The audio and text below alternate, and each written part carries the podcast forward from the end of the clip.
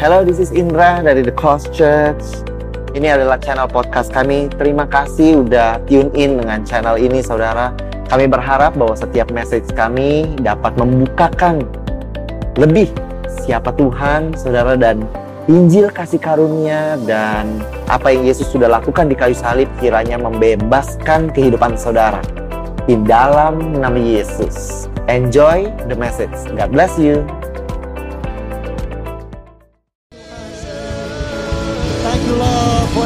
Abundance, the God of much more Tuhan will bless us throughout the year 2018. We receive it in the name of Jesus. And everybody say amen. Sebelum saudara duduk, saudara can you just give high five untuk beberapa orang dan katakan it's the year of much more. It's the year of much more. Saudara, saya memper- mau, mau mau memperkenalkan ada sebelum uh, sebelum worship team turun, sebelum turun saya mau perkenalkan um, our new guitarist um, Ivan um, atau disebut nama nickname-nya apa IJ, IJ, IJ. And uh, a singer, uh, a new singer, um, Vina. Haleluya. Kita beri tepuk tangan untuk mereka as they go down. Thank you so much worship team. Um, haleluya. Tadi pagi saya um, share firmannya um, cukup terburu-buru karena isinya banyak dan karena kita um, ada dua service, so I was like I, I felt like I was rushing. Nah, tapi di uh, di service ini I try to be um, slower dan enggak enggak enggak enggak berkejaran dengan waktu, saudara.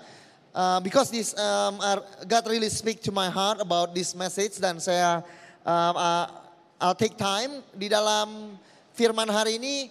It's really a lot of teaching. It'll be a bit teachy. Akan ada banyak um, ayat-ayat yang kita buka. Tapi saudara, um, saya berharap bahwa as you look at the verses slowly, go through it with me bersama-sama, saudara akan mendapatkan um, revelation. You will uh, God will unveil Jesus. Tuhan akan bukakan Yesus di hadapan mata hati saudara. And you will fall in love with Jesus even more. So, who's ready for the year of much more?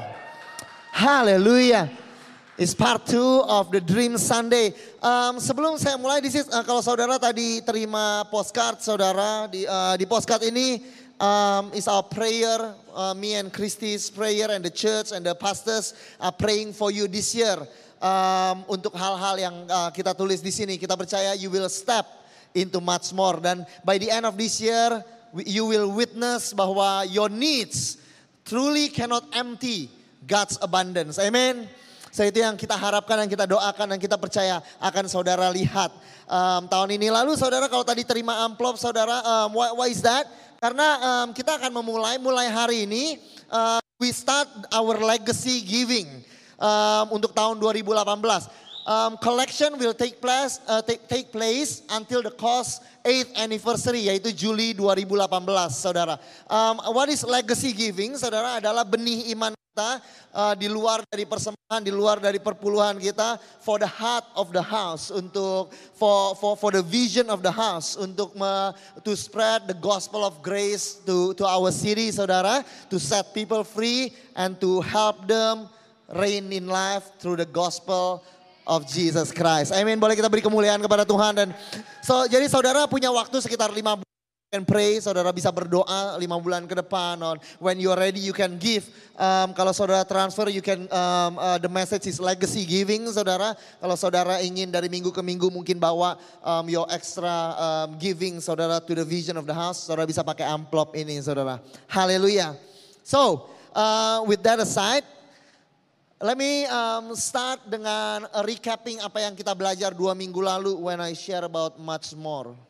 Kita lihat bahwa gaya bahasa Tuhan di dalam firman Tuhan, sering kali Tuhan selalu menaruhkan sesuatu yang lebih. Bukan sering kali, hampir setiap kali basically God always put much, saudara. Contohnya di, dikatakan bahwa kematian berkuasa, death reign because of the sin of Adam, death reign, kematian berkuasa.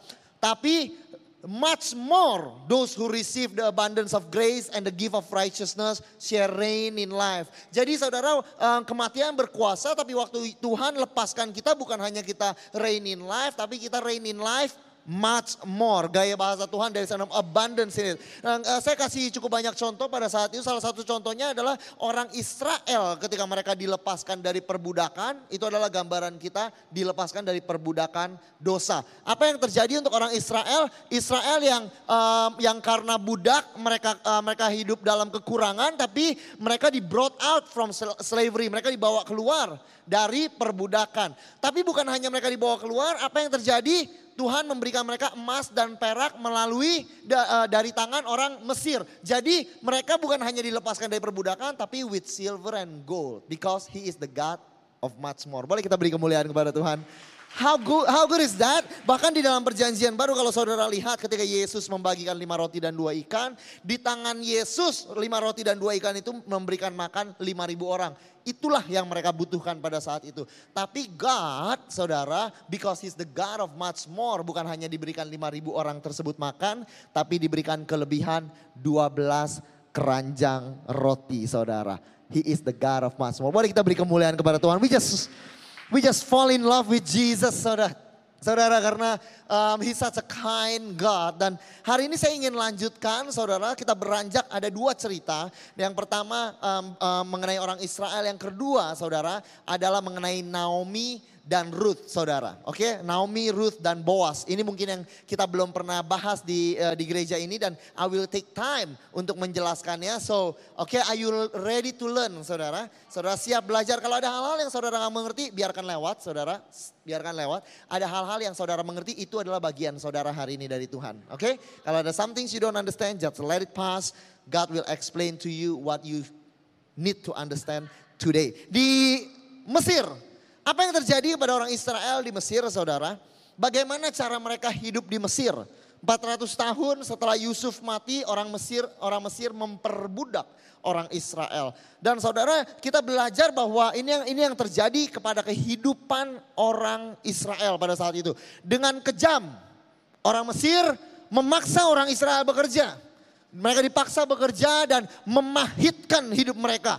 They live bitter, they made Israelites life bitter sampai hidupnya pahit saudara. Kenapa? Dengan pekerjaan yang berat, mengerjakan tanah liat dan batu bata, berbagai pekerjaan di padang, segala pekerjaan dengan kejam dipaksakan kepada orang-orang uh, kepada orang-orang Israel, saudara.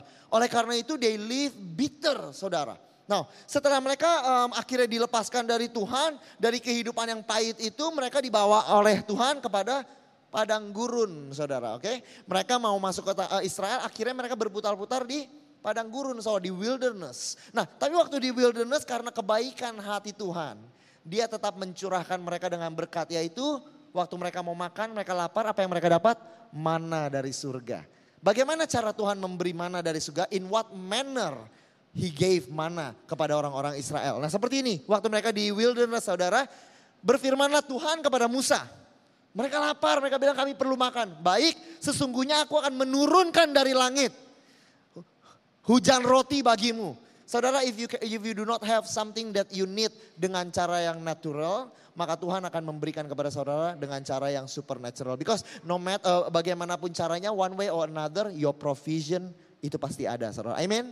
Lalu apa yang terjadi? Maka bangsa itu akan keluar dan memungut tiap-tiap apa? Tiap-tiap hari, every day sebanyak yang perlu untuk sehari. Boleh katakan kepada kiri kanannya sebanyak yang perlu. Sebanyak yang perlu saudara untuk setiap hari mereka ambil. Supaya mereka aku coba apakah mereka hidup menurut hukumku atau tidak. Katanya e, Tuhan mau lihat nih gimana kalau disuruh ambil setiap hari pas aja mereka nurut apa enggak. Oke okay, next. Maka setiap pagi orang Israel pungut dah pungut manga, uh, mana saudara roti yang seperti embun saudara. Tiap-tiap orang menurut keperluannya according to one's needs saudara. Tetapi ketika matahari panas cairlah mananya. Mereka cuma bisa pungut secukupnya yang mereka butuhkan. Kalau mereka simpan pun percuma karena tumor uh, keesokan harinya akan di akan habis saudara dengan ulat saudara, maka habis semua. Mereka cuma bisa according to what's uh, to one's need, sesuai dengan kebutuhan mereka. Itu bagaimana Tuhan mengsuplai orang Israel di wilderness. Lalu uh, akhirnya mereka masuk ke dalam tanah perjanjian. Lihat bagaimana cara mereka hidup di tanah perjanjian. Next. Uh, dikatakan waktu mereka mau masuk ke tanah perjanjian Tuhan bilang, Tuhan Allahmu akan membawa engkau masuk ke dalam negeri yang baik. Jadi tadi di sini Egypt, di sini adalah wilderness, tapi Tuhan bawa mereka ke negeri yang baik. Suatu negeri dengan sungai, mata air, danau yang keluar dari lembah-lembah dan dari gunung-gunung. Suatu negeri dengan gandum, dengan jelainya, dengan pohon anggur, dengan pohon ara, dengan pohon delima. Suatu negeri dengan pohon zaitun, dengan madunya. Suatu negeri di mana engkau akan makan roti dan tidak usah berhemat saudara. Makan roti di mana engkau tidak akan kekurangan apa pun. You lack nothing, boleh bilang ke teman saudara. You will lack nothing, boleh bilang ke kiri kanan saudara.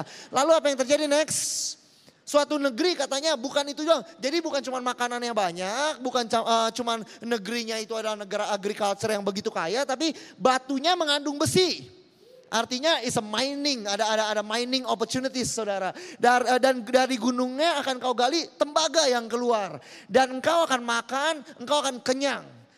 You will eat and you will be satisfied. Maka engkau akan memuji Tuhan karena negeri yang baik is a good land yang diberikan kepadamu.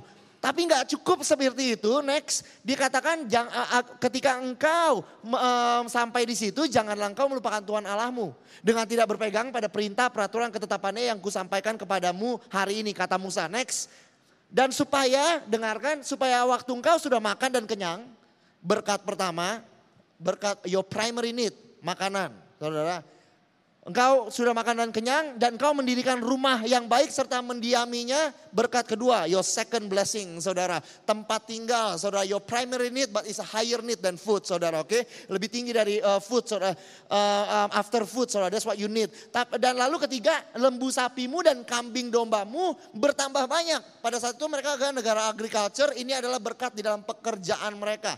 Oke, udah threefold blessing. Tapi tidak cukup Tuhan bilang, maka emas dan perakmu bertambah banyak. What is that? Your, your saving, saudara. Saving mereka bertambah banyak. Terus Tuhan bilang, it's not enough for blessing. Just in case kalau ada yang tertinggal, segala yang ada padamu. Oke, whatever I have not said akan bertambah banyak. It will be multiplied, saudara. All that you have is multiplied. Now, saudara kalau lihat Waktu mereka ada di Egypt, saudara, mereka hidup live, they live bitter. Mereka hidup dengan pahit. In wilderness, they live according to one's need. Waktu di promised land, they live in abundance. What? Let me ask you something, saudara. Tuhan destin orang Israel ada di mana? Tuhan ingin orang Israel ada di mana? Tuhan ingin orang Israel ada di promised land. Karena Tuhan nggak mau mereka lacking di Egypt dan it's not enough untuk Tuhan melihat mereka just enough. Tapi God wants them to live in the land of much more. Boleh kita beri kemuliaan kepada Tuhan. That's, that's God's heart for them. He brought them out. He brought them out, saudara, from their lack in Egypt. And he supplied them, yes, he supplied them with enough in wilderness. But he's, he destined them for much more, saudara. In the land of promise. Karena that is God's heart for them. Itu dia punya intended end. Hati daripada Tuhan untuk orang Israel. Dan saat ini Israel menggambarkan kita. This is God's heart for you. Come to the land of much more. Boleh bilang ke kiri kanan, year of much more for you. It's the year of much more for you is the year of much more for you. It's the year of much more. Hmm. Don't you just love love God how how generous betapa murah hatinya Tuhan di dalam kehidupan kita. How much he want to give us more than what you can imagine bahkan bahkan pikirkan saudara. Lebih dari yang kita pikirkan atau bayangkan. He want to give you even more. Saudara, um, waktu mereka udah selesai, mereka udah tinggal di tanah perjanjian. Waktu mereka tinggal di tanah perjanjian, ada pribadi yang bernama Joshua yaitu pemimpinnya. Dia yang bawa orang-orang Israel masuk ke dalam tanah perjanjian. Akhirnya dia juga dapat warisan. Dia salah satu orang Israel, suku Efraim, dia mendapatkan warisan dia. Ini waktu mereka bagi-bagikan warisannya, when they had finished dividing the land, mereka udah selesai bagi buat orang-orang Israel uh, into their allotted portion, the Israelite gave Joshua the son of Nun an inheritance amongst them, as the Lord had commanded them to give him the town he asked for, Timnath Serah, in the hill country of Ephraim. Boleh bilang ke kiri kanannya, Timnath Serah. Timnath Serah. Saudara, jadi waktu uh, um, uh, Yosua mendapatkan sebuah tanah yang most likely dia yang berikan nama karena itu adalah warisan dia. Dia berikan namanya Timnath Serah. Now, saya mempelajari um, kata Timnath Serah ini is quite, um, it takes me quite a while untuk mempelajarinya karena I was a bit confused karena artinya ada dua saudara dari dari all the uh, Greek lex, uh, all the Hebrew lexicon and all that saya ada dua hal jadi itu bisa artinya abundance it can means abundance portion of abundance juga bisa portion leftover saudara remaining portion jadi saya- um, I, I- I- I was conflicting in my heart. Yosua yang memimpin orang Israel, dia mendapatkan abundance atau dia dapatkan sisanya leftover. Lalu saudara hanya ada satu ayat lagi di mana kata serah ini dipakai. Yaitu um, um, di dalam kemah mereka kalau ada kain yang kelebihan ada perintah Tuhan untuk diapakan kainnya. Di situ baru mata saya terbuka saudara, mata hati saya. Bahwa leftover tidak selalu buruk. Contohnya kalau Acong minta saya kain 1 meter, saya kasih dia 1,5 meter, yang 50 cm itu namanya serah dalam bahasa dalam bahasa aslinya, oke? Itu adalah kelebihan, it's a good leftover. Lalu saya ingat waktu Tuhan mem- eh, memecahkan lima, em, lima roti dan dua ikan, semua orang makan, apa yang di apa yang terjadi? Apa sisanya? Leftover. Tapi it's not a bad leftover, it's a good leftover. Waktu orang Israel keluar dari uh, next waktu orang Israel keluar dari Mesir bukan hanya dari lacking ke uh, lepas dari dari dari perbudakan tapi mereka ada leftover blessing which is silver and gold. Dan Yosua setelah dia selesai melakukan semuanya, dia kasih nama kotanya Timnath Serah, the land of good leftover, the land of abundance, the land of much more. Wow. Boleh kita tepuk tangan lebih. Ada sabu, um, ada sebuah peraturan di gereja bahwa kalau lima orang tepuk tangan semuanya harus saudara. Ah, ah. Dan maka kita akan bisa uh, tetap menjaga hadirat Tuhan di tempat ini. That's not true but. So it's a land. So, saudara kalau saudara lihat um, next waktu mereka dari Egypt. Yang bawa mereka keluar dari Egypt ke wilderness, dari lacking ke enough siapa? Musa. Tapi siapa yang bawa mereka dari wilderness masuk ke promised land? Dari just enough ke much more. Siapa yang bawa mereka? Yosua. Oleh karena itu setelah dia selesai melakukan semuanya untuk Tuhan di dalam imannya, dia kasih nama kota dia sendiri, portion of much more, portion of good access, good leftover. Karena this is his conviction bahwa his God is the God of abundance. Dia udah lihat semua yang dimiliki oleh suku-suku Israel, dia yakin Tuhan dia adalah Tuhan of abundance. Bahasa Indonesia-nya nggak tahu, tadi mikir. Tuhan kelimpahan. Hmm. Saya berharap bahwa di gereja kita, tahun ini kita step into that. Understanding about God. Waktu God give you peace, dia bukan give you peace, dia give you peace beyond understanding. Harus ada lebihnya kalau Tuhan kasih. He give you not joy, tapi in His presence there is abundance of joy. Selalu ada much more. When sin increase, grace increase all the more. Saudara selalu ada more daripada Tuhan. Dan um, kita, saya berharap bahwa kita, kita menjalani iman kita bersama-sama dengan Tuhan. Kita seperti Yosua bahwa in the in the end of our life kita punya legacy kepada anak-anak kita. Hey, saya mau kasih nama keluarga kita adalah Timnath Serah. Artinya our God is a God of much more. Saya berharap saudara kita bisa masuk itu bersama-sama dengan gereja Tuhan. Tapi bagaimana pastor if we keep learning about receiving. If we keep learning about much more. Bukankah kita akan menjadikan kita orang-orang yang serakah? Akankah itu jadi orang uh, jadi orang-orang yang penuh dengan greed? When we learn about his generosity, does it make us greedy? So, but that's not how we teach. Saudara perhatikan, saya mau ajarkan Naomi, Ruth dan Boaz. Kenapa kita ketika kita belajar tentang much more dari Tuhan, kita bukan menjadi orang greedy, tapi kita menjadi orang yang above. Above all that, above the greed of the world. Baik, saya bawa saudara ke dalam sebuah cerita yang cukup panjang. Kalau saudara belum pernah baca uh, kitab Now, uh, kitab Ruth, saudara, saudara, I'll, I'll give you a preview. Naomi dan Elimelek adalah orang Israel yang karena pada saat itu sempat nggak ada makanan, mereka pergilah ke sebuah negara, uh, sebuah sebuah tanah ya, yaitu the land of Moab.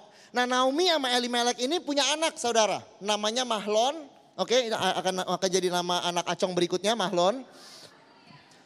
Haleluya dan um, nama nama nama anak uh, nama anak yang lain adalah Kilion. Ini nama anak ajak berikutnya juga dia bilang mau kasih nama ini.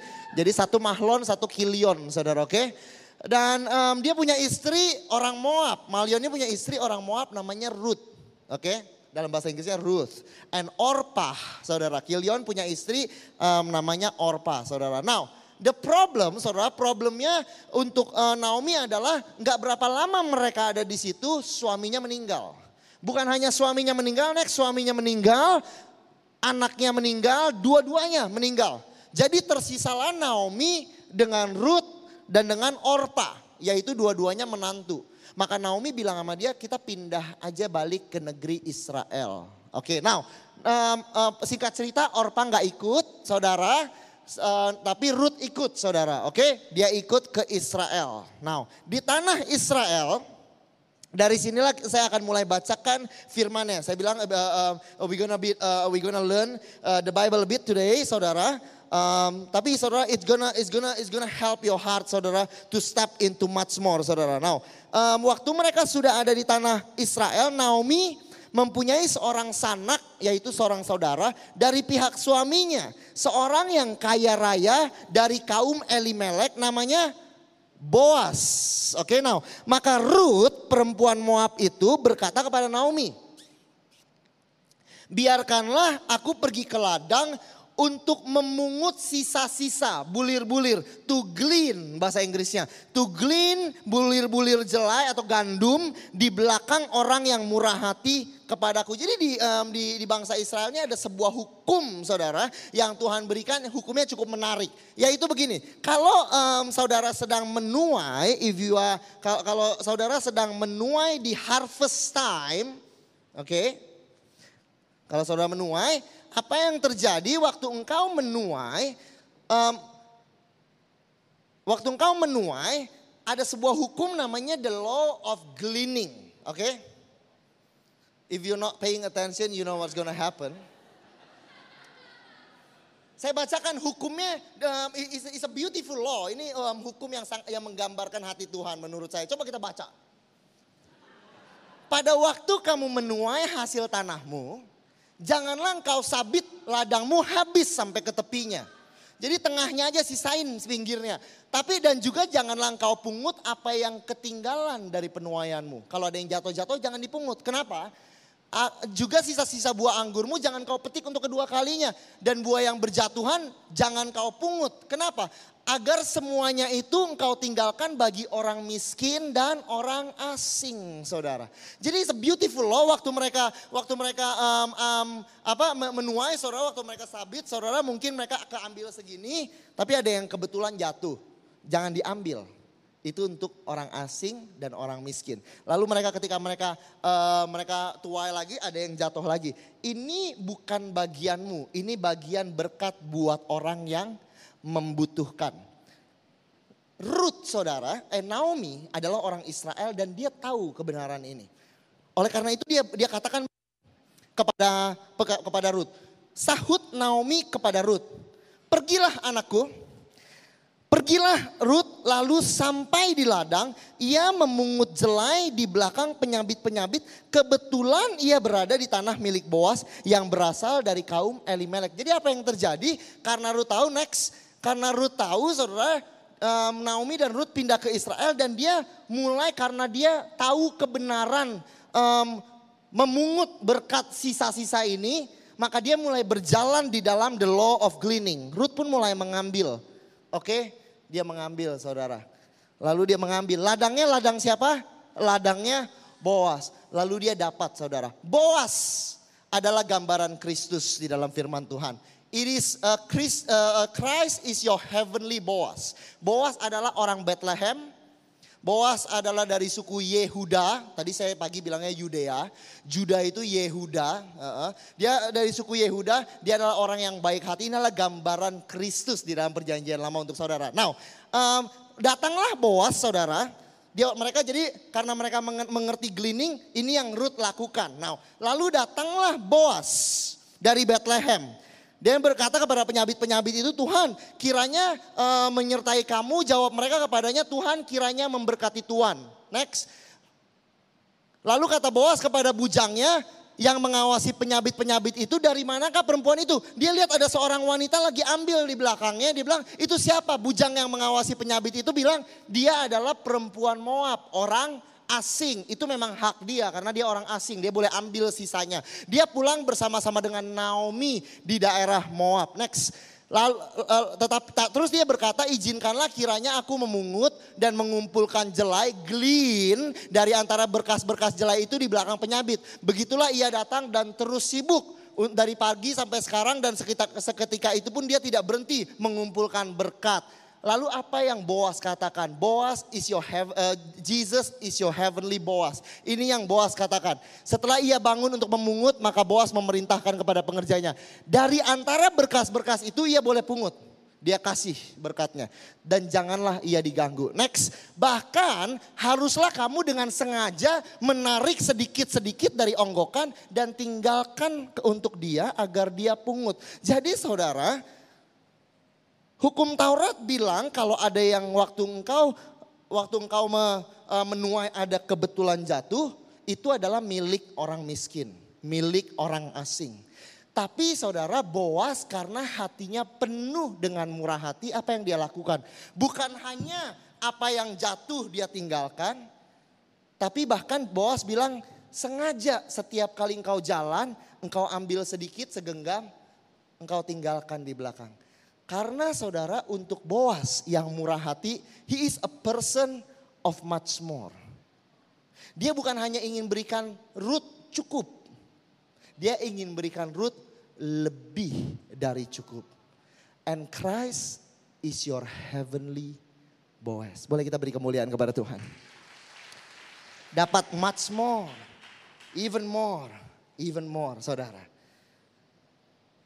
Dan dia dapatkan saudara, dia berjalan. Ketika engkau mengerti kebenaran about the abundance of God. Maka engkau akan mulai mengumpulkan berkat-berkat Tuhan. The secret is in the word of God.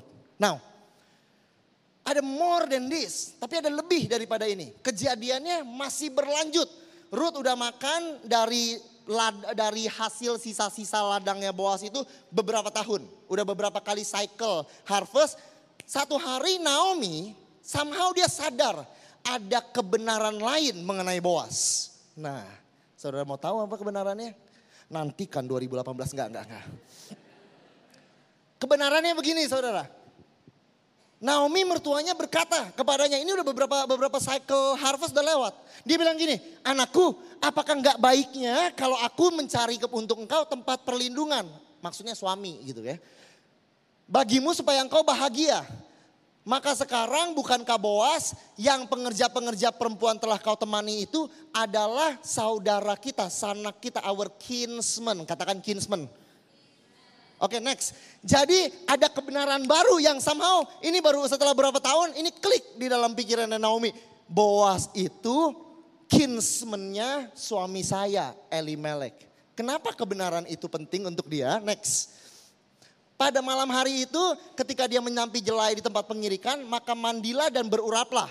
Pakailah pakaian bagusmu dan pergilah ke Boas ke tempat pengirikan itu. Naomi bilang sama Ruth, hey malam ini karena kita udah tahu dia kinsman kita, waktu dia lagi tidur kamu pergi ke situ.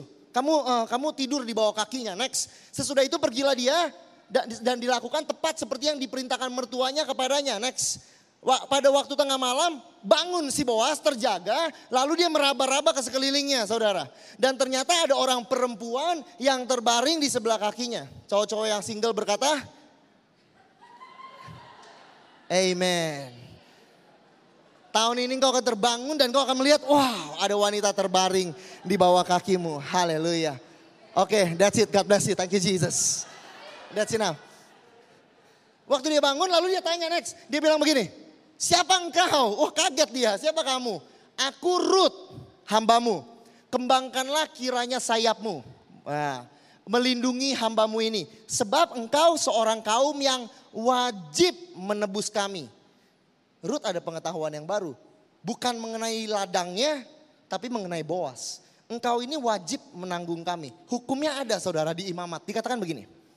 Apabila seorang saudaramu jatuh miskin sehingga harus menjual sebagian dari miliknya. Seperti si Naomi sebelum dia pergi ke tanah Moab dia jual eh, miliknya, ladangnya udah dijual. Tapi maka seorang kaumnya yang berhak menebus, yakni kaumnya yang terdekat harus datang, harus datang dan menebus yang udah dijual. Jadi hukum di Israel adalah kalau ada saudaranya yang yang tinggal terus ini udah dijual, waktu saudaranya balik ini harus dibeli. Tapi problemnya satu, kalau dia beli ladang yang ditinggalkan itu, ditebus, saudaranya punya yang miskin ditebus, dikembalikan, apa yang terjadi? Dia harus nikahin orangnya. Dia harus nikahkan orangnya. Pada saat itu Ruth datang kepada dia, dia bilang kamu ini orang yang wajib menebus kami. Pada saat itu Boas tahu, bukan cuma saya harus kembaliin ladangnya saya yang beli pakai uang saya, tapi saya harus nikahin orangnya. Next. Mereka mengetahui kebenaran bahwa Boas is my kinsman redeemer, saudara penebus saya. Oke? Saya udah mau um, udah udah uh, saya mau tutup saudara, saya mau saya mau tutup cerita ini. I'll tell you why I tell you uh, such a long story, oke? So that you sleep. No, I'm just Next, Boas, apa yang terjadi karena kebenaran itu singkat cerita Boas mengambil Ruth dan Boas menjadikan perempuan itu istrinya. Lalu dihampirinya lah dia, maka semua yang single berkata, maka atas karunia Tuhan perempuan itu mengandung lalu melahirkan seorang anak laki-laki. Lalu saudara perempuan-perempuan di Israel bernyanyi dan berkata kepada Naomi, terpujilah Tuhan yang rela menolong kau pada hari ini dengan seorang penebus. Kita mundur dua langkah, saya ceritakan itu panjang lebar agar saudara mengerti dari firman Tuhan. Boaz adalah our earthly Jesus. Jadi Jesus is the heavenly Boaz. Waktu engkau datang, waktu waktu Ruth datang dan dia mengerti, can I have the keyboard? Waktu dia mengerti kebenaran mengenai berkat Tuhan, the law of gleaning, maka Ruth tidak datang ke Boaz, tapi Ruth datang ke ladang. Waktu dia datang ke ladang berkat, dia berharap kepada kebaikan Boas untuk membagikan berkat maka dia dapatkan berkat. Karena Boas adalah generous uh, person yang generous. Dia dapatkan sisa-sisa berkat bahkan dia dapatkan lebih. Tapi waktu satu hari dia mengenal bukan mengenai kebenaran apa yang harus um, apa yang harus dilakukan di ladang, tapi dia mengenal kebenaran tentang the person of Boaz. Dia mengerti tentang ke pribadi Boas bahwa bukan the law of gleaning tapi ada a higher law namanya a law of kinsman redeemer. Maka dia stop datang ke ladang dan dia mulai datang kepada Boas. Dia datang kepada Boas dan dia bilang, engkau wajib menebus kami. Dan apa yang terjadi, dia bukan lagi dapat berkat, tapi dia dapat full possession. Karena dia dinikahi, semua milik Boas jadi milik dia saudara. Glean from his field. When we glean from his field, mata kita tertuju kepada berkat. When we glean from his field, we receive blessing. Tapi saudara, when we pursue his person, we receive much more saudara. We possess much more. Dia punya full inheritance bukan ada di ladang tapi dia punya full possession is in the person of Boaz. Boleh kita beri kemuliaan kepada Tuhan.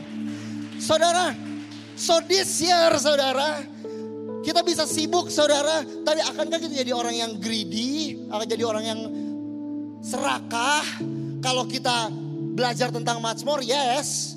If this is the only much more you know, mungkin saudara jadi orang yang haus berkat. Takut ada orang asing lain yang ambil. Tapi kalau kamu mengertinya tentang Boas, kebenaran tentang Boas, maka engkau datang kepada Boas. Engkau akan dapat full possession. Dia nggak fighting anymore dengan orang asing lain. Karena the, the, uh, the, the truth, dia bukan berharap kepada kebenaran mengenai berkat. Dia ber, berharap pada kebenaran mengenai the person of Boaz. This year, let us open our eyes to the person of our heavenly Boaz. Anak, ya dia bukan hanya dapat berkat dari ladang, dia dapat anak. Anaknya adalah kakeknya Daud. Dia dapat legacy. Dia dapat ladang. Dia dapat legacy. There's so much more when you pursue the person. Saudara lihat, di land of Moab, widowed, mereka adalah dia dia janda, dia hidup dalam laking. Di land of Israel, dia mengerti tentang berkat-berkat berkat-berkat yang harus diberikan sama dia. Dia berjalan di dalam berkat, mencari berkat, bisa dan dia dapatkan enough, a bit more than enough. Tapi waktu dia mengerti dan mengejar kinsman redeemer, maka dia dapatkan much more. Let me tell you a secret. Your much more is in the person of Jesus. Your much more, I say, is in the person. Boleh kita beri kemuliaan kepada Tuhan. Don't you just love God for this? Bahwa ketika kita mengejar dia, He gonna take care of you. Kembangkanlah sayapmu untuk kami. Mereka nggak lagi cari. Hey, you need blessing. Kenapa? Kenapa bisa gitu? Kok, pastor hubungannya gimana sih? Kok bisa kejar Yesus dapat yang uh, dapat much more provision? Kenapa? Coba saya saya saya saya bacakan satu ayat kepada saudara, saudara identifikasikan. For God so loved the world that he gave his only begotten son that whosoever believe in him shall not perish but have everlasting life. Amen. Apa giftnya? Eternal life? No. Saya ulang lagi sekali. For God the giver, so love the motivation, the world the object that he gave the action. His only begotten son the gift. Jadi eternal life is the effect of the gift. The gift is in the person. You need eternal life. Makanya waktu saya pertama kali terima uh, terima Tuhan, pada saat itu hanya ada satu saksi di uh, di tempat ini yaitu Pastor Yuda. Kita uh, pergi ke KKR Benihin pada saat itu. Dia nggak cerita tentang eternal life, banyak kan dia cerita tentang Yesus. Mau terima Yesus, mau terima Yesus. And I was like, I was, I was there. I really need just not to go to hell. I just really want to be safe. Tapi yang saya terima apa waktu saya pulang? Saya terima Yesus. Hati saya langsung tahu saya diselamatkan. Padahal yang saya terima tantangannya apa? Evangelist. Do you want to receive Jesus? We receive Jesus, we receive karena your much itu sama dengan provision, itu sama dengan peace, itu sama dengan joy. When you understand more about the person, you receive the much more. Wow. Boleh kita beri kemuliaan kepada Tuhan. For as many that receive him, he gave them right to become sons of God. Kita capek hidup jadi budak. Kita capek menyenangkan Tuhan. Kita mau jadi anak. Tapi bagaimana jadi anak caranya? As many as receive him.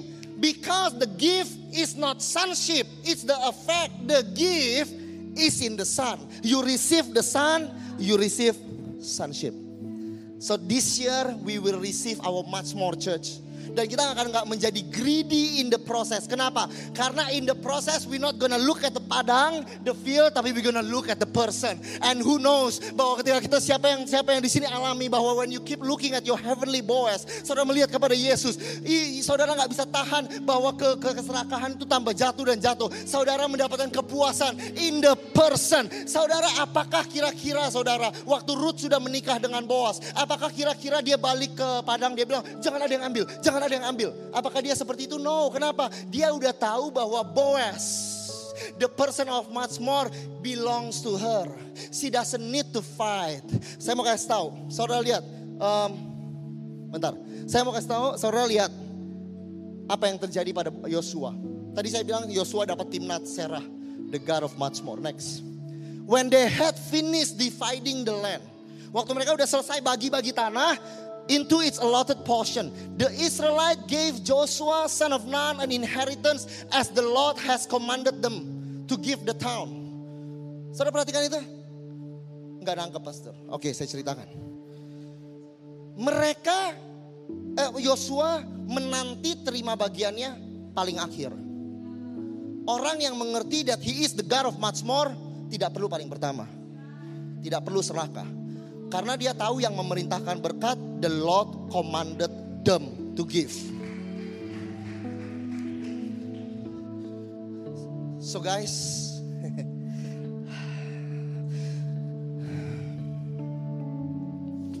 when we start trusting God for our much more, we stop fighting others for leftovers.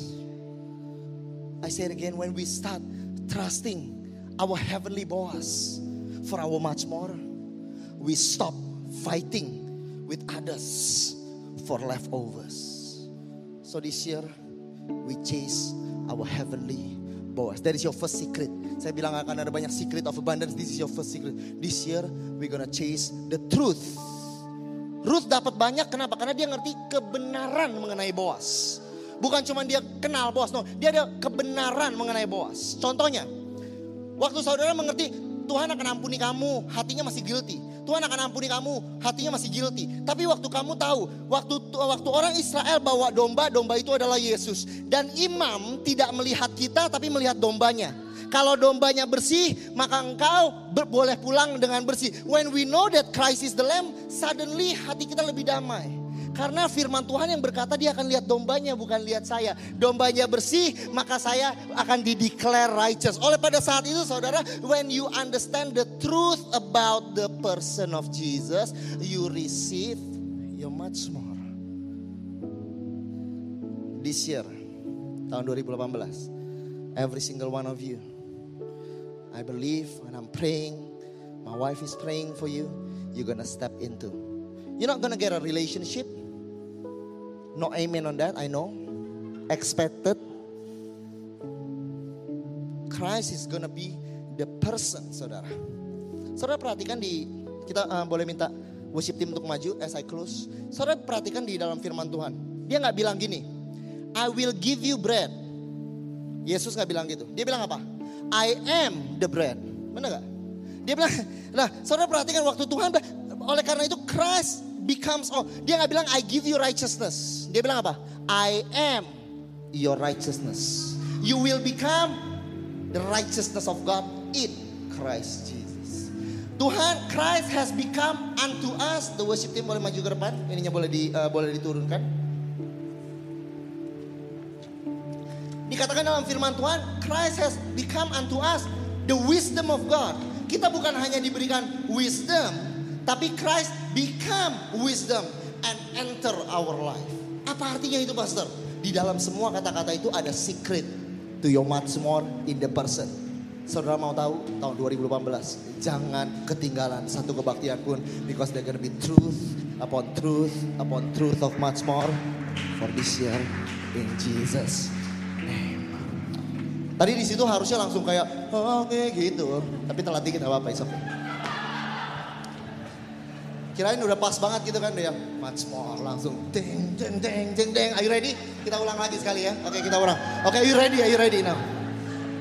Waktu Yosua terima timnas Serah, ada beberapa komentari yang datang ke tanah itu dan they reported bahwa ternyata tanahnya saya kira karena dia satu-satunya orang yang boleh pilih.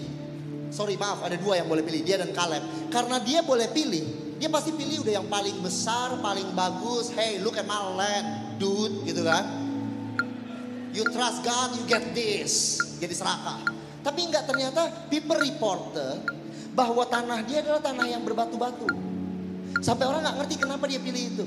Ada mountain, ber, uh, is mountainous, susah tanahnya untuk orang keluar masuk. Is very hard, is a, is a land that is not not not the perfect land lah kalau you boleh pilih. Jangan-jangan kalau kita semakin mengerti that God is the God of much more. Maybe we won't chase the field so more. Maybe we chase the heart even more. Mungkin kita akan mulai bilang sama Tuhan, Tuhan whatever you want. Orang Israel boleh dapat yang baik Tuhan. My inheritance is the God himself. He is the God of my much more. Jangan takut untuk menerima abundance dari Tuhan. Jangan takut mengejar kebenaran-kebenaran about much more. Jangan takut waktu orang bilang prosperity gospel. They don't understand what it means. Karena they keep looking at the field. But what we are trying to do, and this is what we want to do, is that we're looking at the person. And the person is in the person is your much more. That's a good time. Okay. Thank you, Jesus.